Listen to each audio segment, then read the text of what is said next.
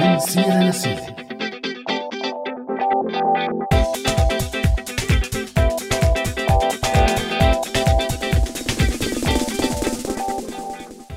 أوقاتكم سعيدة مستمعي راديو سوريالي وين ما كنتوا. ومني أنا همام كمان تحية لكل مين عم يسمعنا بحلقتنا الجديدة من برنامج من سيرة لسيرة. بالوقت يلي بلشت اجتماعات اللجنة الدستورية لكتابة دستور جديد عم نسأل حالنا مثل كتير من السوريين هل يا ترى المشكلة بالدستور؟ وما قصدنا تحديدا الدستور السوري أو الوضع السوري. لا وإنما عم نحكي عن مفهوم الدستور بشكل عام وأشكال أنظمة الحكم بالعالم العربي. فحلقة اليوم هي لنفكر مع بعض بالأحداث الكتيرة يلي عم تصير بكل الكرة الأرضية وخاصة أنه السنة يلي قربت على نهايتها صار فيها مجموعة هائلة من الأحداث والمتغيرات.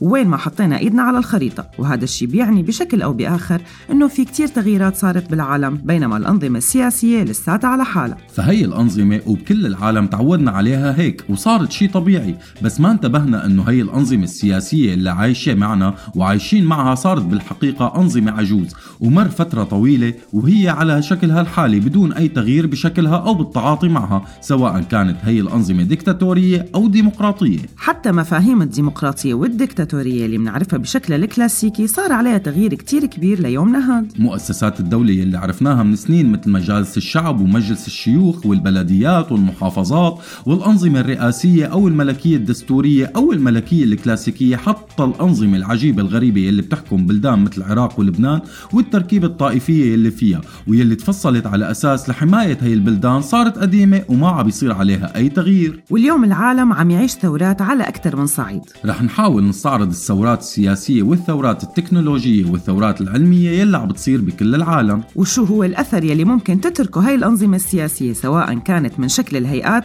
أو المجالس الحاكمة مرورا بالتشريع والدور الرقابي وغيره من هالقصص؟ عن هذا الموضوع الكبير شوي رح نحكي اليوم أكثر مع ضيف الحلقة عبد الله الولي ومعه رح نناقش أكثر عن موضوع حلقتنا لليوم. أنتم معنا على هوا سوريالي إذا حبيتوا الموضوع تعالوا معنا بهاي الرحلة عن الشكل الجديد تبع العالم والأنظمة السياسية.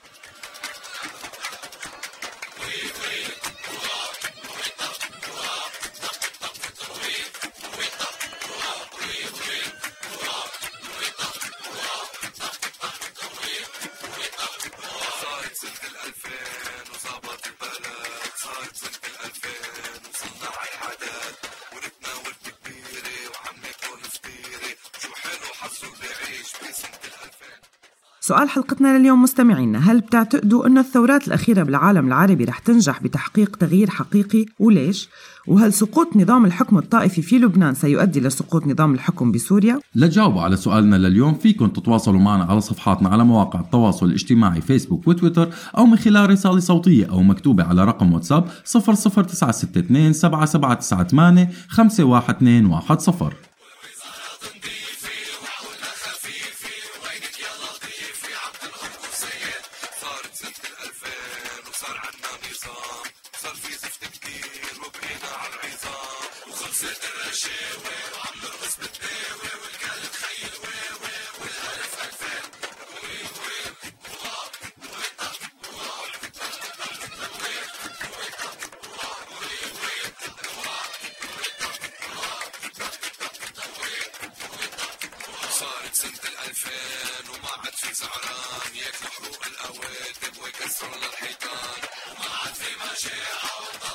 الجماعة وصار عندنا قناعة حرية لبنان صارت سنة الألفين وما عاد في معايير وصار في شغل كتير ونفير وتصمير وكترة السياحة والشباب مرتاحة وفلحوا فينا فلاحة لسنة الألفين وين وين صارت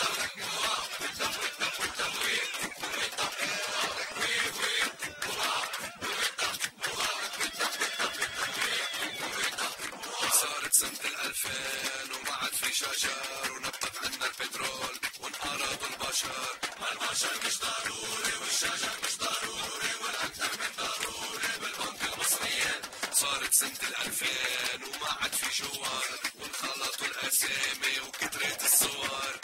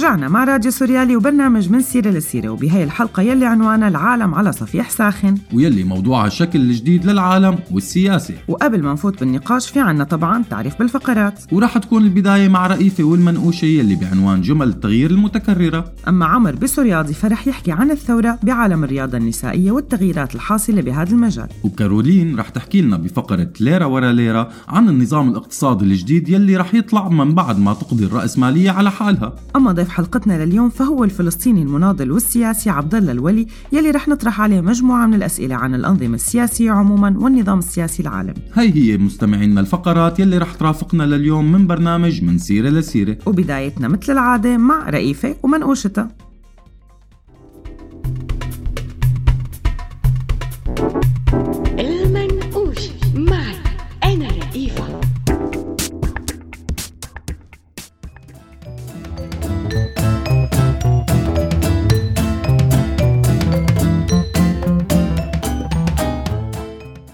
بعد 10 أو 15 سنة من الفراق والبعد واحد ضل بالبلد والتاني ترك البلد أو الاثنين هاجروا على بلدين مختلفين والتقوا فجأة. الحديث المتوقع بعد القبل والعناقات إنه شو؟ العمش شو متغير؟ بيقوم التاني شو بيرد عليه؟ إيه وإنت كمان؟ يا لطيف شو متغير؟ إنه معقول متغيرين بعد 10 15 أو 20 سنة؟ لا ضلينا مفرزين بآلة تجميد الزمن. هي الجمل بتتراوح ما بين سمنان ونحفان ومصلع. بتتكرر جمل التحسر على الماضي والمفاجأة إنه نحن منتغير بمرور الزمن. وكمان من الجمل المكرورة المرتبطة بالتغيير يا عمو شو كبرانة. ما شاء الله ما شاء الله صايرة صبية. بترد الصبية. إيه والله يا عمو خبرني بابا إنك إجيت على المباركة بولادتي. أو جملة العمش يا أزعر طلع لك شوارب. والله امبارح كنت عم تلعب فوتبول بالحارة. بيرد الشاب. إيه يا عمو بعد ما خلصت الدكتوراه تبعي كان لازم يطلع لي شوارب. من الجمل المزعجة بعالم التغيير والكبر جملة بيقولوها قليلين الذوق والحياة لما بيلتقوا برفقاتهم القدمى يلي كانوا يلعبوا بالحارة معهم ويلي هي العمش العمش ليش هيك صاير فيه؟ وبهي الجملة بيلخص الشخص السئيل كل الأزمات المالية والعاطفية يلي مرق فيها صديقه بجملة واحدة. بعدها في احتمال رفيقه يروح ينتحر. طبعا في جمل أكثر لباقة وفيها من الدبلوماسية كمشة بس ما بتخبي الحقيقة ويلي هي جملة العمش مثل ما تركتك لقيتك على حطة إيدي أو جملة يا لطيف مو متغير بنوب. طبعا الصديق يلي سمع هي الجملة لازم يكون مدرك تماما لحجم الصلعة يلي باقية وتتمدد برأسه والكرش يلي ناتعه والنظارات يلي مشنقلن بالإضافة للهالات السوداء يلي تحت عيونه. هون مع جملة العمش مو متغير أبدا الأشخاص بيكونوا عدة أنواع. نوع بيقول إيه والله شايف؟ مع ابتسامة مخباية بتدل على الفخر إنه هو مو كبران. هذا الشخص يا معه عمى سنين يا أما أهبل. في نوع تاني بيقول إيه والله شايف؟ بدون ابتسامة أو مع ابتسامة ساخرة هذا الشخص بيكون مدرك لحجم نفاق شريكه وبيكون رده أحيانا قاسي فبيقول لرفيقه المجامل بس أنت كتير متغير وكبران وهون بقية السيناريو كتير طويلة ما رح نفوت فيها. النوع الثالث وهو الشخص يلي بيصدق إنه رفيقه ما شايف قديش هو كبران وبالتالي بيصير بيحاول إنه يقنع رفيقه إنه هو فعلا كبران.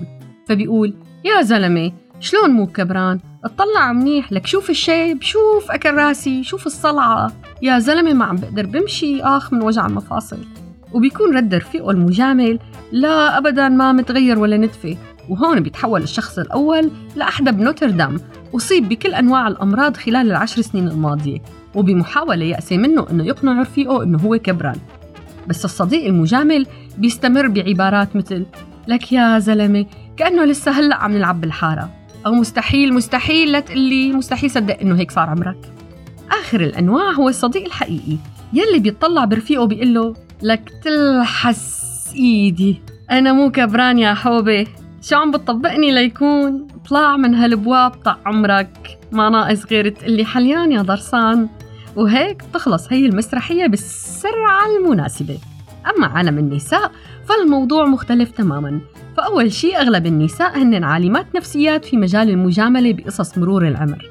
لذلك نحن بحاجة لإنسايكلوبيديا أو معجم وحلقات كتيرة لنشرح ردات فعل النساء على هذا الموضوع.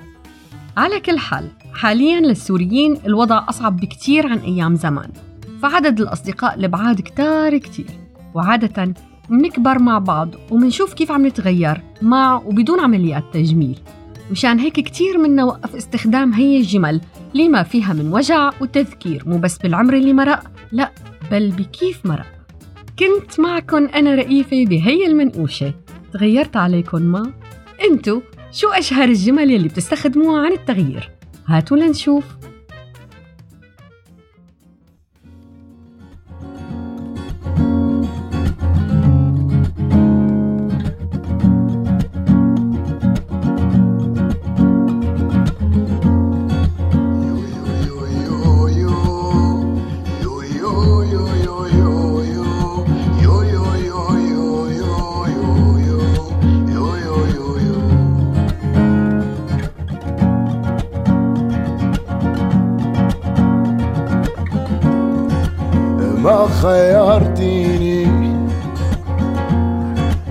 صفنت أنا فيكي تغيرتي ليه؟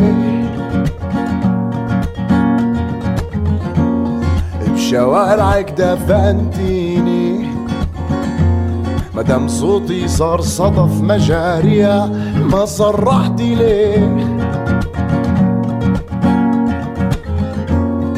تخبي نامي في مكانك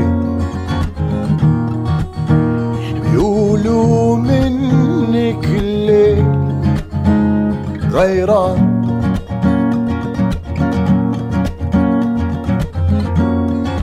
ضلي انت العنوان. لأنه في بعدك ملاش جيران.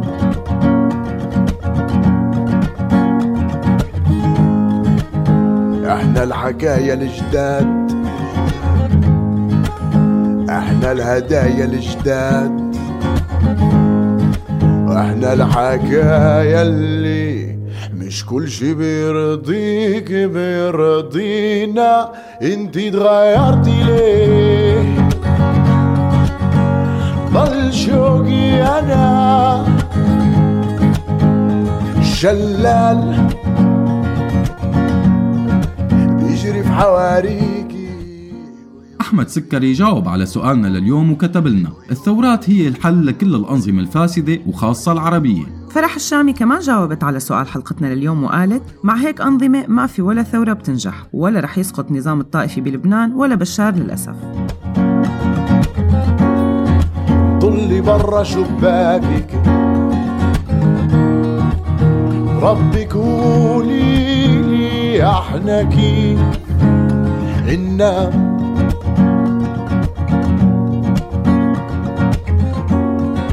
ضلش اشي اللي ينان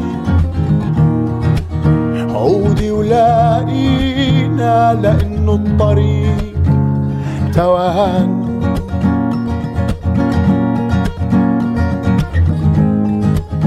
إحنا الحكاية الجداد. إحنا الهدايا الجداد. إحنا الحكاية اللي شي بيرضيك بيرضينا انت اتغيرتي ليه؟ ضل شوقي أنا. شلال بيجري في حواريكي. إحنا الحكاية الجداد إحنا الهدايا الجداد الحكاية اللي مش كل شي بيرضيك بيرضينا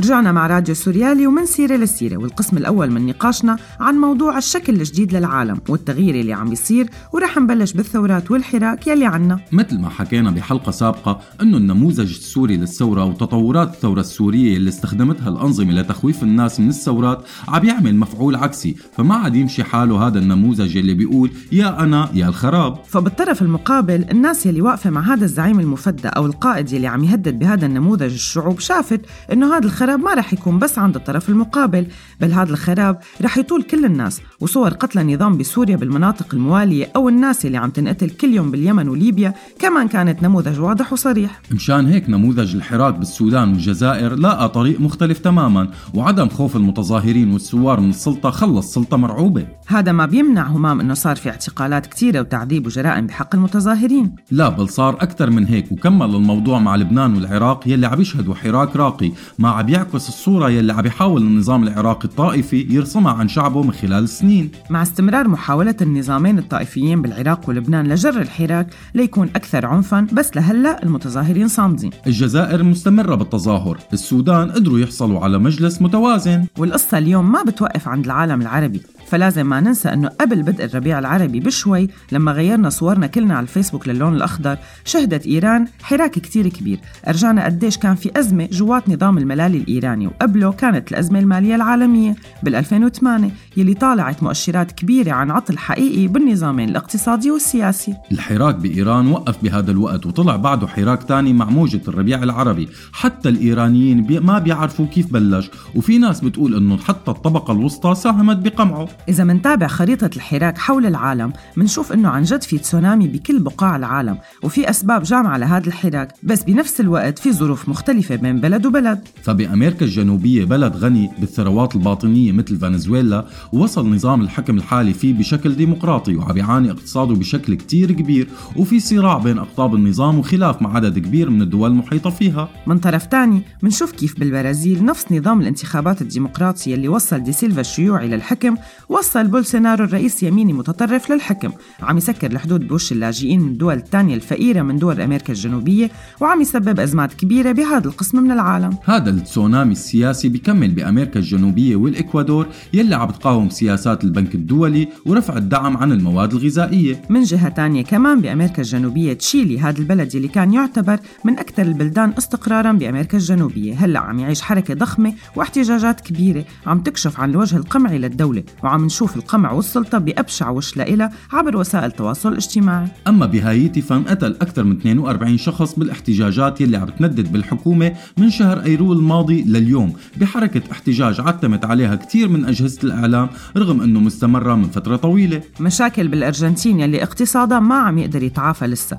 كوبا يلي عم تحاول تعيد تعريف نظام السياسي. وما ننسى أنه بأمريكا الشمالية بعد الأزمة الاقتصادية العالمية بال 2008 ومع الربيع العربي طلعت حركة كبيرة ضد وول ستريت أخذت شعارات الشعب يريد إسقاط النظام وتم قمعها كمان. مزبوط همام واليوم في أزمة سياسية يمكن تكون غير مسبوقة بأمريكا مع احتمالية عزل الرئيس وانقسام ما شاف مثل الشارع الأمريكي. بالإضافة لهذا الشيء استمرار جرائم القتل الجماعي يلي عم بتصير بالمدارس والأماكن العامة هي جرائم يلي سببها ومصدرها دستوري ويلي كمان عم يخلق انقسام كبير جوات أمريكا. ومنضل بأمريكا الشمالية مع كندا ومع الديمقراطية يلي عم تتغنى فيها آلة ال PR تبع رئيس وزراء ترودو يلي عم تنطرح أسئلة حقيقية بآخر انتخابات رغم فوزه فيها عن الآليات تبع الديمقراطية بكندا. أوروبا أكيد مانها أحسن حال مع مسلسل خروج بريطانيا من الاتحاد الأوروبي والاستفتاء يلي أدى لهذا الشيء. عم يطرح أسئلة كتير عميقة وفعالية عن الاستفتاء وأسئلة عن الديمقراطية وصوت الشعب والتلاعب فيه وحتى عن إمكانية التراجع عن التصويت.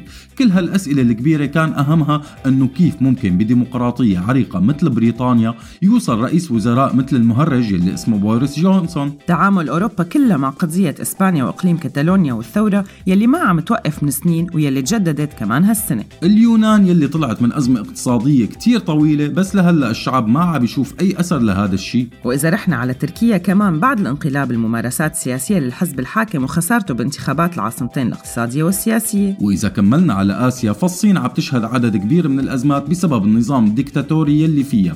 ما عم نقدر نسمع عنها من أبرز هي القصص هي مخيمات الاعتقال الضخمة للمسلمين الصينيين ويلي عم نسمع عنها بالأخبار من وقت لآخر. بالإضافة لأزمة سياسة الطفل الواحد يلي فرضتها الحكومة لسنين على شعبها ويلي استمرت من 1978 وانشالت بسنة 2015 هي السياسة يلي عم نشوف آثارها لليوم بشكل واضح على المجتمع الصيني وعم تترك أثر على آسيا كلها وصرنا نسمع للأسف بال 2019 عن حالات إتجار بالبشر بسبب نقص الإناث بالصين. واليوم الصين كمان عم تشهد واحدة من أكبر التحركات يلي ما رح تأثر بس على إقليم هونغ كونغ بل ممكن تأثر على كل الصين سواء انتصرت هي الاحتجاجات على العاصمة بكين أو أو إذا تم قمع هي التحركات بعنف أكبر عن طريق تدخل الجيش وبالحالتين هما هي التحركات رح تترك أثر على مستقبل الصين. مجزرة المسجد بنيوزيلندا ما تركت ظلال بس على نيوزيلندا بل على أستراليا وقوانين أستراليا. وبنفس المنطقة أزمة مسلمين روهينجا يلي بتضل تطلع على السطح كل فترة. الحقيقة أعزائنا المستمعين مثل ما شفنا أنه هي الأزمات عم بتكون بأنظمة عم بتمارس الديمقراطية بوحدة من أشكالها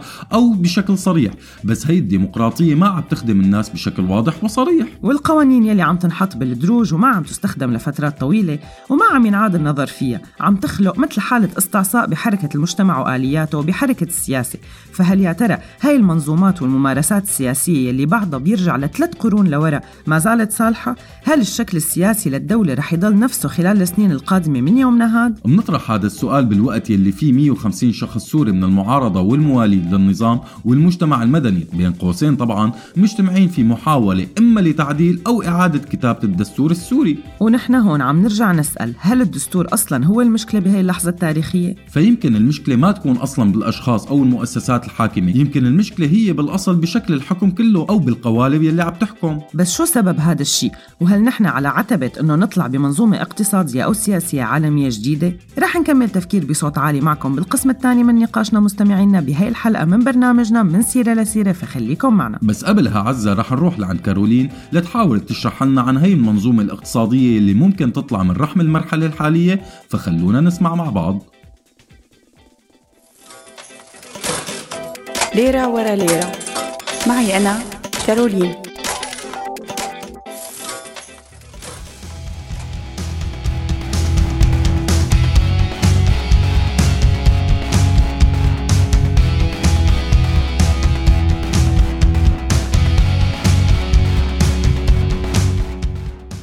مرحبا معي أنا كارولين بهاي الفقرة الجديدة من ليرة ورا ليرة. بفقرة اليوم رح كمل الموضوع يلي عم بيحكوا فيه عزة وهمام بس رح أحكي عن شق تاني يلي هو الشق الاقتصادي ورح أحكي عن الموضوع من وجهة نظر عالمية. فبحسب رأي المستشار السياسي والمؤلف جيريمي ريفكن أنه النظام الاقتصادي الحالي رايح باتجاه الانهيار والسبب أنه الرأسمالية عم تربح كتير.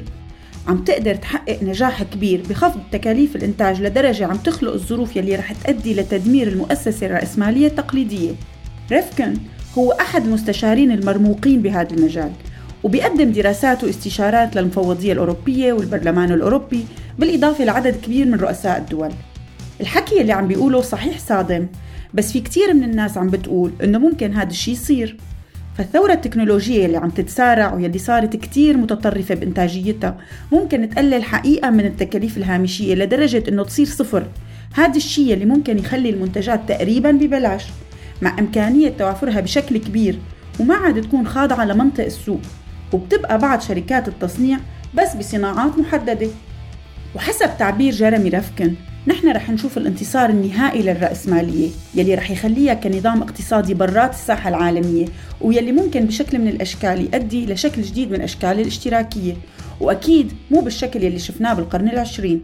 ومن ضمن تنبؤات ريفكن إنه من رماد النظام الاقتصادي الحالي رح يطلع نموذج جديد كلي مدعوم من السرعة الاستثنائية بالابتكار بالطاقات والاتصالات والنقل.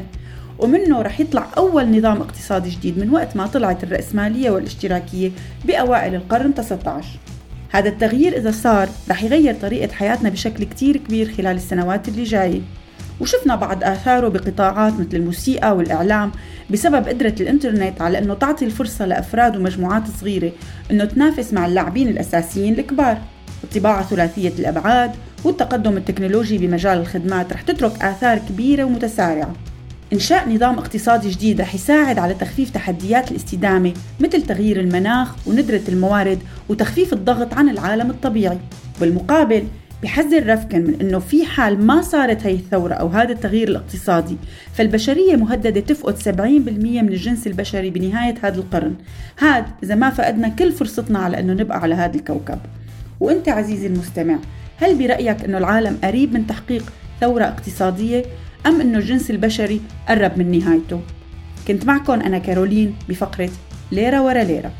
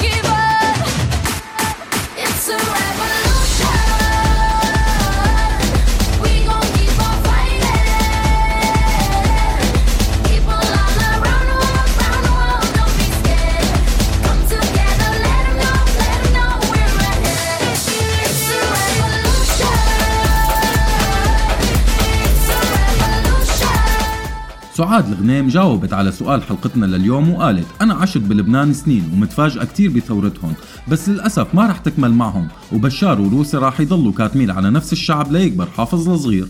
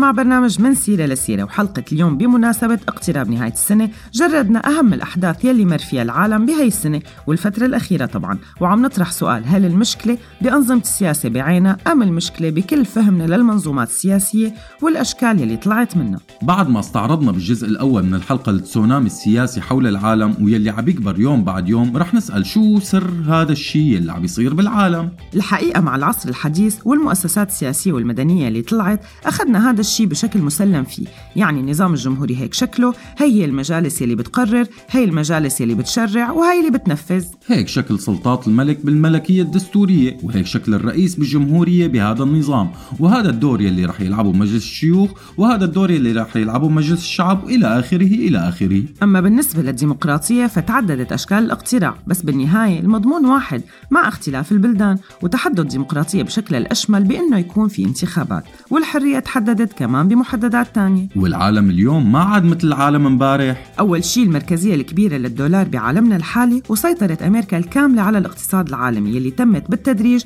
من القرن الماضي لوصولنا لهذا اليوم. عم يفرض هذا الشيء على الكرة الأرضية سياسات مختلفة تماما توضحت بشكل كبير بأزمة الجيل الخامس بين أمريكا وشركة هواوي الصينية. التغيرات الكبيرة بالبيئة والمناخ عم تفرض موجات هجرة رح تزيد يوم بعد يوم مع التصحر. هذا الشيء على سبيل المثال عم يخلي أحزاب الخضر حول العالم تقوى بشكل كتير كبير وعم يكون إلها القول الفصل ببعض الدول. أما الهجرة والتجنيس ببلدان معدل الإنجاب فيها ضعيف عم يطلع مجموعة كبيرة من الأسئلة منها مفاهيم المواطنة أو مستقبل الشعوب. لتطلع لنظريات مثل نظرية الإحلال يلي بتتبعها كتير من أحزاب اليمين المتطرف بأوروبا. ونظرية المؤامرة هي بتقول أنه في مؤامرة لإحلال شعوب العالم الثالث مكان العرق الأبيض بأوروبا. ومن طرف تاني الأتمتة يلي عم تطال كل نواحي الحياة عم تقلل بشكل هائل جدا من العمالة البشرية. ومفهوم العمل اليدوي عم يختلف وبالتالي عم يخلق بطالة كبيرة بينما اليمين المتطرف بالبلدان ما عم يقدر يهاجم الأتمتة وعم ينعكس هذا الشيء على اللاجئين والمهجرين. المعرفة والإنترنت عم تفتح مجالات وباب كتيرة ما كانت معروفة من قبل. هذا الشيء عم يترك أثره على التعليم وآليات التعليم وبعض الدراسات عم بتقول أنه هذا الشيء ممكن يدمر بشكل كلي مفهوم المدرسة والجامعة على سبيل المثال وهذا رح يترك أثر كتير كبير على فردية الإنسان أو المواطن بالدولة بالشكل يلي بنعرفه هلأ. قدرة التأثير على الناخب عم تكون أكبر لصالح جماعات أو لوبيات عم تكبر. قدرة التأثير على الإنسان ككل من قبل الأجهزة الذكية كل ما لها عم تكبر. الإنسان بطل مواطن ضمن حدود الجغرافيا تبع بلده بل صار مواطن عالمي عم يتأثر بشكل كتير كبير بالأحداث السياسية يلي عم تصير بكل دول العالم. وهذا الشيء كل ماله عم يتحرك وعم يكبر مثل كرة الثلج قدرة الأحزاب والحركات السياسية على الاستجابة لطلبات الشارع ما عادت محصورة بالمواطنين تبع البلد نفسه. فالشيء اللي كان اسمه رأي عام عالمي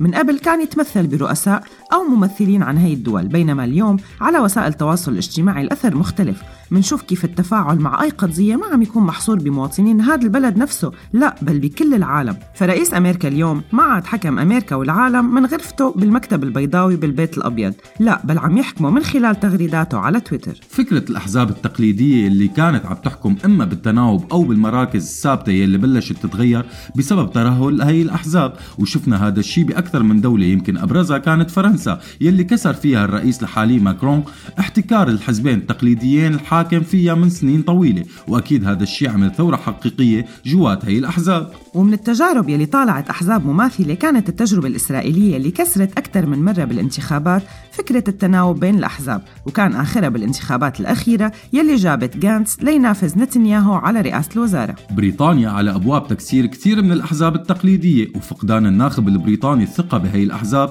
يمكن صار كثير قريب. ومن جهة تانية عم نشوف حراك بشوارع كتير من الدول عم تحاول الحركات السياسية والأحزاب التقليدية تجر الناس يلي بالشارع لنوع من الحوار التقليدي. يعني مثل اختيار ممثلين من الشارع أو حتى تشكيل حزب أو حركة. يعني بالنتيجة عم يتم تقطير هذا الحراك. هذا الشيء عم يتم رفضه ببعض الأحيان وأحيانا عم يتم القبول فيه. بس القصد من حكينا أنه المؤسسات السياسية الكلاسيكية عم يصيبها الشلل تماما من الحراك بشكله الجديد وما عم تقدر تتعامل خارج قوانين اللعبة اللي بتعرفها تماما. هذا الحراك اللي هو أشبه بالثورة بشكلها الحر. اليوم صار لازم يتم كتابة أبحاث ودراسات عن شو هي الأشكال السياسية الجديدة وكيف ممكن حدود العالم الجديد ترسم سواء من رحم الحراك الشعبي حول العالم أو حتى من رحم النظام الرأسمالي الحالي. أسئلة كتيرة بعالم متغير كل يوم. يمكن خلال السنين الجاية نشوف لسه تغييرات أقسى وأصعب. ولازم نتذكر دائما أنه الثورات ما بتجي بسهولة وبالثورات دائما في تحطيم لكثير من الأشياء القديمة. ومن هاي الثورات رح يحكي لنا عمر بعد شوي عن ثورة المرأة بعالم الرياضة فخلونا نسمع. سوريالي مع عمر سواق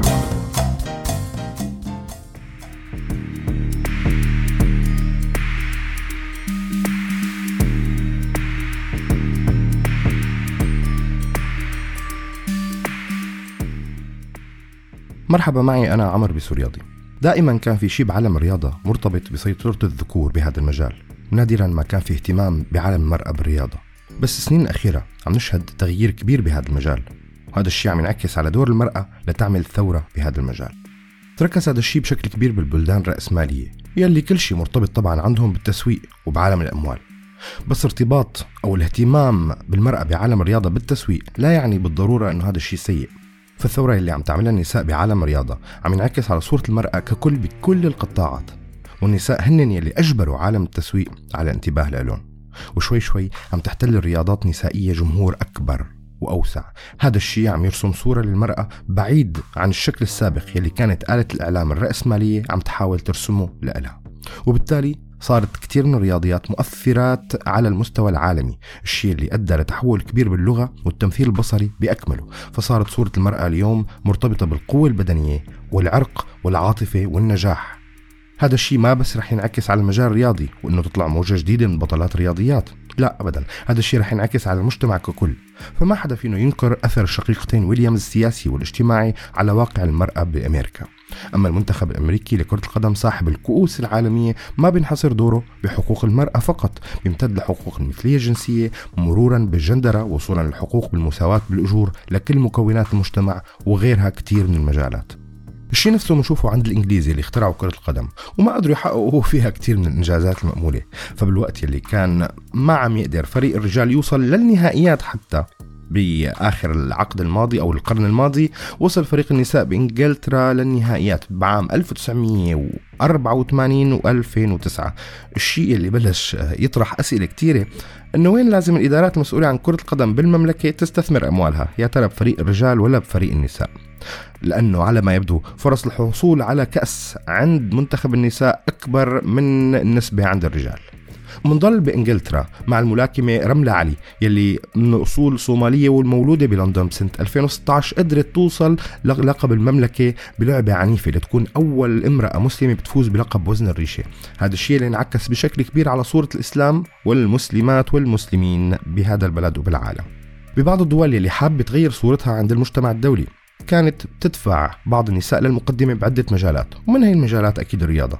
فشفنا كتير من الدول الخليجية على سبيل المثال لا الحصر عم تصرف الأموال مشان تفتح هذا المجال. صحيح ممكن هذا الشيء عم يصير لتبييض صورة بعض الأنظمة بس هذا لا يعني إنه النساء بهي المجتمعات ما عم يحققوا ثورة بمجتمعاتهم وعم يفتحوا مجالات لغيرهم من النساء إنه يقدروا يحققوا أحلامهم. اليوم حضور المرأة بعالم الرياضة عم يكبر يوم بعد يوم ومثل ما سبق وقلنا ثورة المرأة بهذا العالم أكبر من كونها ثورة رياضية للمرأة. هي الثورة بأكثر من مجال ورح نشوف انعكاساتها على حياتنا يوم بعد يوم. كنت معكم أنا عمر بسورياضي على أمل لقاء فيكم بفقرات جاي. سلام.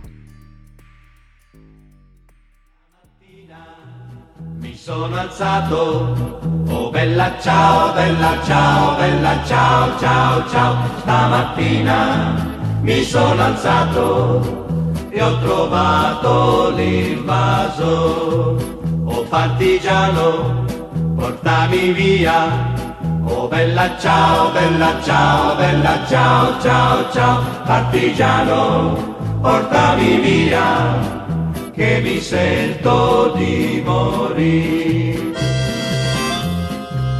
E se io muoio da partigiano, oh bella ciao, bella ciao, bella ciao, ciao, ciao, e se muoio da partigiano, tu mi devi seppellire e seppellire lassù in montagna Oh bella ciao, bella ciao, bella ciao, ciao, ciao, seppellire lassù in montagna, sotto l'ombra di un bel fior. Tutte le genti che passeranno, oh bella ciao, bella ciao, bella ciao, ciao, ciao, e le genti che passeranno ti diranno che bel fior. E questo è il fiore del partigiano. Oh bella ciao bella ciao bella ciao ciao ciao. Questo è il fiore del partigiano morto per la libertà questo è il fiore del partigiano morto per la libertà. Questo è il fiore del partigiano morto per la libertà. Questo è il fiore... Del... Su Olak ضيف حلقتنا لليوم سياسي ومناضل فلسطيني ما بيحب الألقاب عاش بسوريا وكان من المناضلين الفلسطينيين بلبنان بشبابه. خزان ذاكرة وتاريخ وبنفس الوقت عنده رؤية للمستقبل جاية من حياته الغنية. السيد عبد الله الولي هو ضيف حلقتنا لليوم بهي الحلقة من برنامج من سيرة لسيرة. سوريالي سوريالك سوريا إلنا كلنا. سوريالي سوريالك أنت اللي قادر تغير. السيد عبد الله الولي أهلا وسهلا فيك ضيف عزيز ببرنامج من سيرة لسيره عهوى راديو سوريالي. مساء الخير سيد عبد الله مساء النور أهلا وسهلا فيكم. أهلا يا وسهلا فيك. بداية سيد عبد الله تغيرات وثورات عم بتصير بعالمنا اليوم، هل برأيك إنه السبب وراء هذا الشيء مثل ما كثير من المحللين عم بيقولوا هو تداعيات الأزمات الاقتصادية العالمية الأخيرة أم إنه المشكلة بالنظام الجمهوري وطرق الانتخاب بكل دول العالم يلي ما عادت صالحة للقرن الواحد والعشرين؟ ولازم المفكرين والفلاسفة وعلماء الدين يخترعوا أشكال جيدة جديدة عفوا للحكم، فشو رأيك بالموضوع؟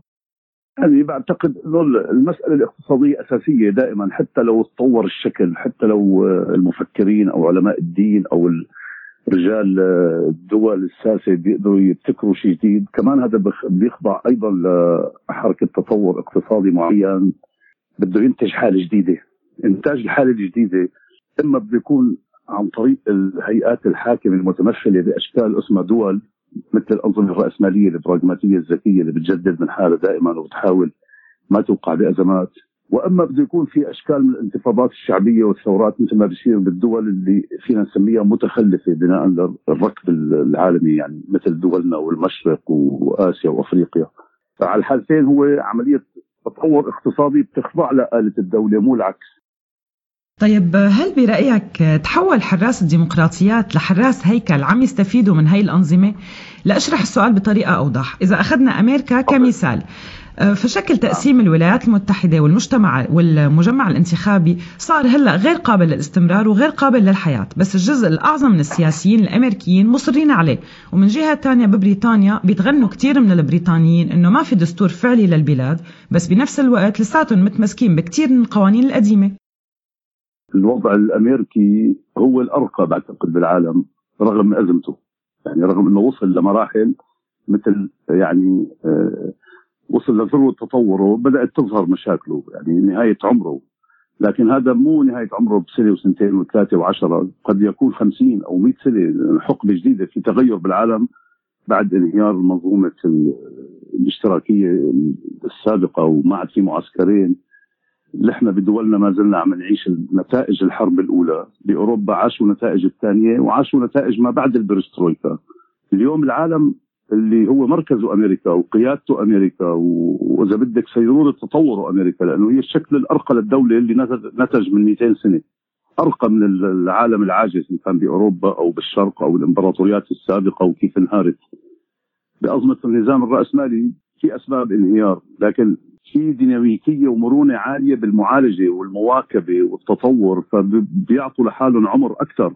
يعني عندهم ما وصلوا لمرحلة غرفة الإنعاش لسه لسه النظام مو شاب النظام الإمبريالي أو المتمثل بالولايات المتحدة والمركز المالي العالمي هو مو نظام فتي لكن هو ما عجوز هلأ. أما التطورات اللي عم تحصل بالعالم يعني قد آه، تحدث آه، هاي التراكمات قد تحدث تطورات مفاجئة يعني هاي الثوره التكنولوجية الرقمية ال digital طرق التواصل مع البشرية إخضاع كل دوائر الدول والمؤسسات والمنظمات والأعمال للنظام ال- ال digital. هاي خطوة جديدة العالم لسه بعد الثوره الصناعية لسه ما ما ما تفعلت بالشكل المضبوط اللي هي بتقديري من شأنها إنه يكون لها دور كبير بتغيير النظم العالمية الجديدة. هذا الشكل اللي اسمه دولة أو الشكل اللي اسمه حلف أو الشكل اللي اسمه اتحاد أوروبي أو الشكل اللي اسمه دول حديثة مثل أستراليا وكندا. وهن نفسهم بدهم يبحثوا عن بدائل لكن قد تأتي البدائل من القاعدة من الجموع من الملايين مو منهم يعني. وهذا شيء تدميري الثورة هي فعل تدميري لاستحداث شكل جديد. كيف بكون شكل الثورات القادمة بالدول المتطورة؟ هي بتفرضها آلية التطور نفسه تفرض الشكل. مثل شفنا مثل الثورات العربية بالربيع العربي مثلا كان الفيسبوك هو النجم. يعني خلينا نستخدم إنه هو ال- ال- الوسيلة للتواصل وللتعبير وللإعلام وللإعلان ولمواكبه الحدث. هلأ في كثير وسائل اليوم كيف تتطور هاي القصة لوين بدها توصل تحكمها آه، العملية نفسها. تحكم بس بعتقد النظم هاي ما عادت فلست بالمعنى ال- البنيوي إنه تدير دول وشعوب بمئات الملايين آه، وصلت لمرحلة إنه بدأت بالطور الثاني من العمر ما عادت بالطور الأول اللي عم يتطور وينتج أكثر. لذلك عم يحافظوا على الأشكال القديمة بالدول المتخلفة تضل ماشية مصالحهم ما كانوا ابدا الدول المتقدمة المتطورة واللي عندها ديمقراطيات وعندها هن أبدا ما كانوا مع ديمقراطيات وانسانيه العالم الثاني اللي هو اللي فينا نقول عنه متخلف. وهذا أزمة هذا بحد ذاته أزمة بين الطرح وبين المس يعني بين النظري والعملي. تمام. آه طيب سيد عبد الله إيمان كثير من السياسيين بمفهوم الديمقراطية والمؤسسات يلي افرزتها الديمقراطية عبر التاريخ خلى هي الديمقراطية مفهوم ثابت وإذا فينا نقول بيحمل شوية قدسية. هل برأيك هذا الشيء ضرب الحرية؟ هو قتل الحرية بس اعطاها الثوب القانوني لأنه لما يكون في ديمقراطية بدون مساواة أو ديمقراطية بمجتمع طبقي. هذا كله تناقض. إذا ديمقراطية موجودة وما في مساواة فإذا انضربت الديمقراطية وما عاد في الحرية بجوهرها فقدته. حتى الإنسانية نفسها انضربت. يعني هي دول أوروبا الإسكندنافية مثلا اللي كانت الناس زمان تتغنى بإنسانيتها وكذا. بالأخير محكومة بمؤسسات اقتصادية. مارس اللي بدك احكي اللي بدك إياه اعمل اللي بدك إياه ضمن القوانين بس بالأخير تعمل مثل ما بدنا. يعني بمعنى إنه ما تقترب من الاقتصاد من المصاري من المال.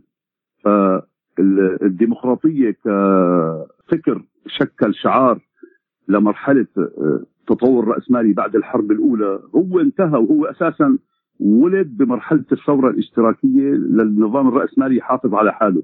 لكن هو بفحواه وبجوهره هو ماله ديمقراطي ما ممكن يكون ديمقراطيه دولة ديمقراطية جوا وبرا هي متعسفة ومستعمرة بريت حدودها الإدارية أو السياسية.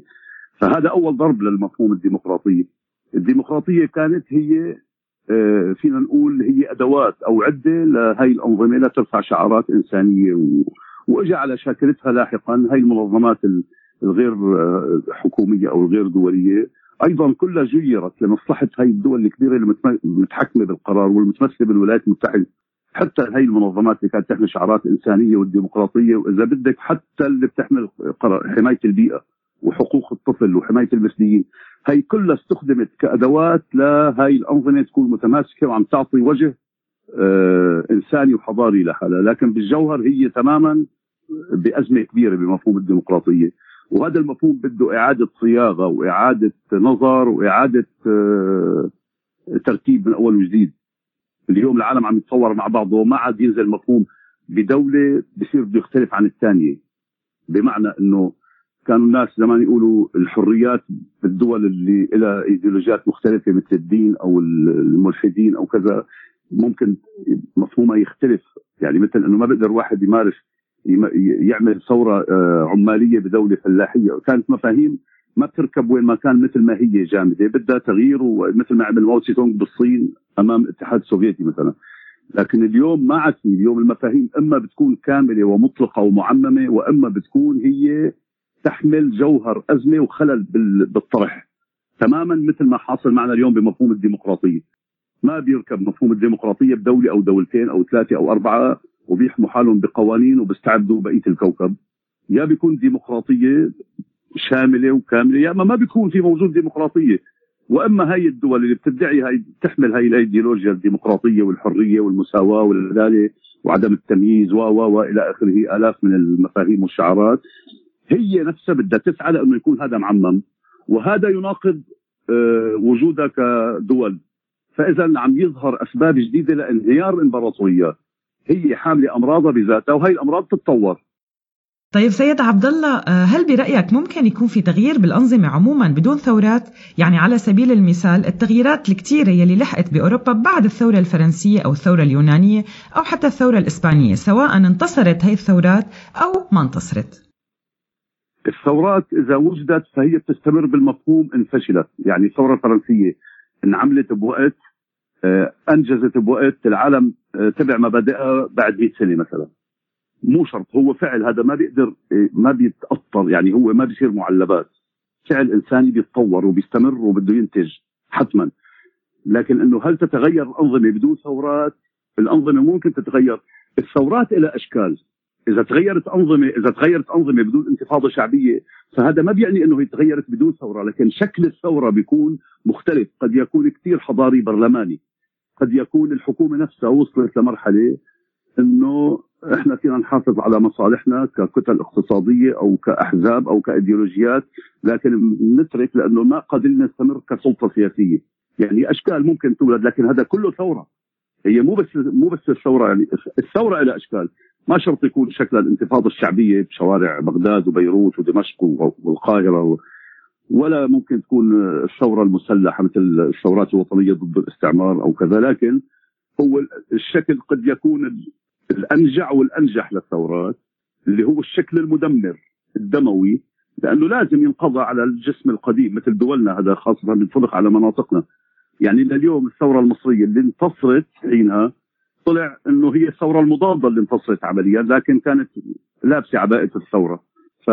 ال- هدم البنى القديمه لهذه الأنظمة هو أحد أهم آه، أهداء أو بالأحرى أهم إنجازات الثورة لازم يكون. وبعتقد هذا بيجي مع الوقت وإن شاء الله يعني إن شاء الله نقول ما يكون له شكل دموي. لكن تدمير البنى القديمة اللي هي من مخلفات الحرب الأولى لا يمكن ابدا إنه آه، بتونس لحد اليوم نجحت انتخابات وكذا. لكن البنية بعدها موجودة. حتى بكرة حتطلع ازمات أخرى حتما. عملوا ديمقراطيه انتخاب الرئيس. هذا واحد من ألف سبب وألف هدف للثورة. لكن ال- الأسباب اللي قامت من اجلها الثورة ما زالت ما زالت موجودة.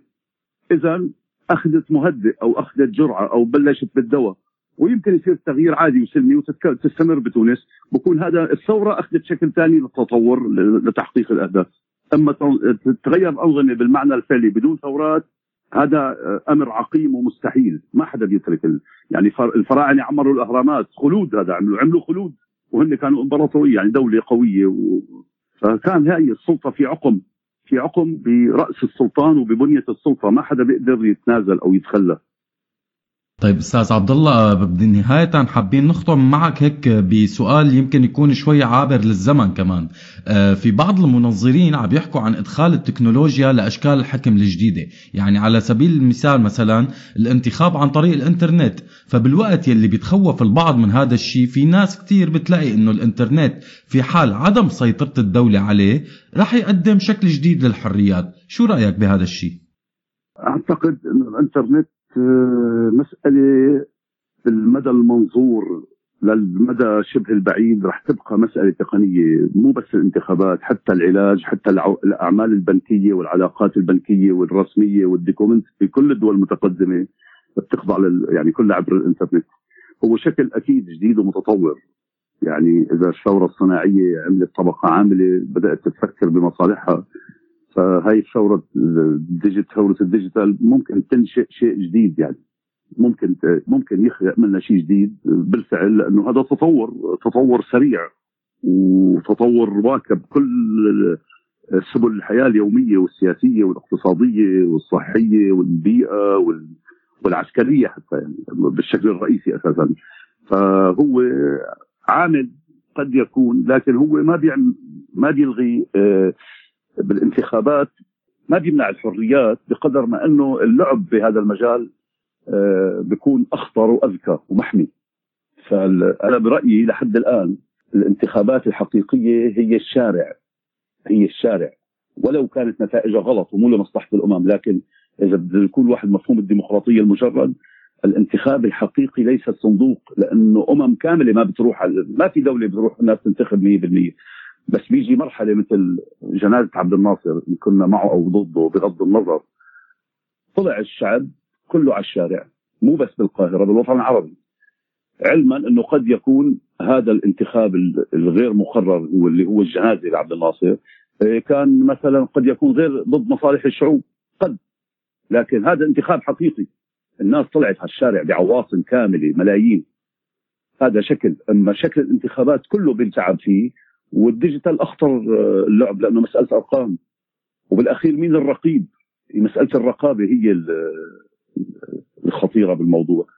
اللعب بالنتائج لما تكون عبر وسائل الإنترنت والانتخابات عبر ال- الإنترنت فيها قد يكون فيها لعب أكثر أو إلى سلبياتها الخطيرة جدا. إلى سلبياتها الخطيرة جدا. اليوم القراصنة عم بتفوت على وزارات دفاع دول عظمى وعلى بنوك كبيرة. مسألة كثير سهلة. فبعتقد المسائل هاي لسه بدها وقت بدها وقت. وقد تكون هي الأسباب الحقيقية ل- لتغيير شكل ال- الدول وشكل العالم. نهاية أستاذ عبد الله يعطيك ألف عافية وشكرا كثير لك وشكرا لوقتك. شكرا لكم موفقين إن شاء الله. شكرا, شكرا كثير الله يخليك يا رب. يعطيك العافية.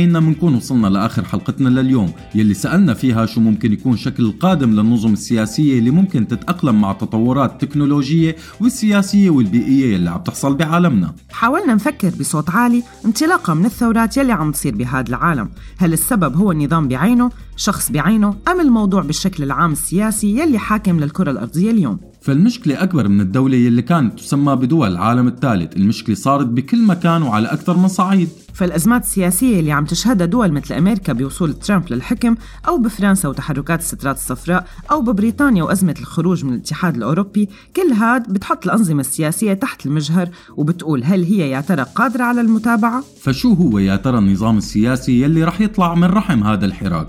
وهون رح نترككم مع هاي الفكرة ومنودعكم ومنشكر أكيد كل مين كان عم يسمعنا أو شارك معنا. شكرا كثير لكم مستمعينا وشكر لكل فريق الحلقة من إعداد وإخراج وبس وفريق التواصل الاجتماعي.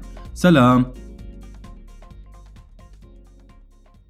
هذا البرنامج من إنتاج راديو سوريالي 2019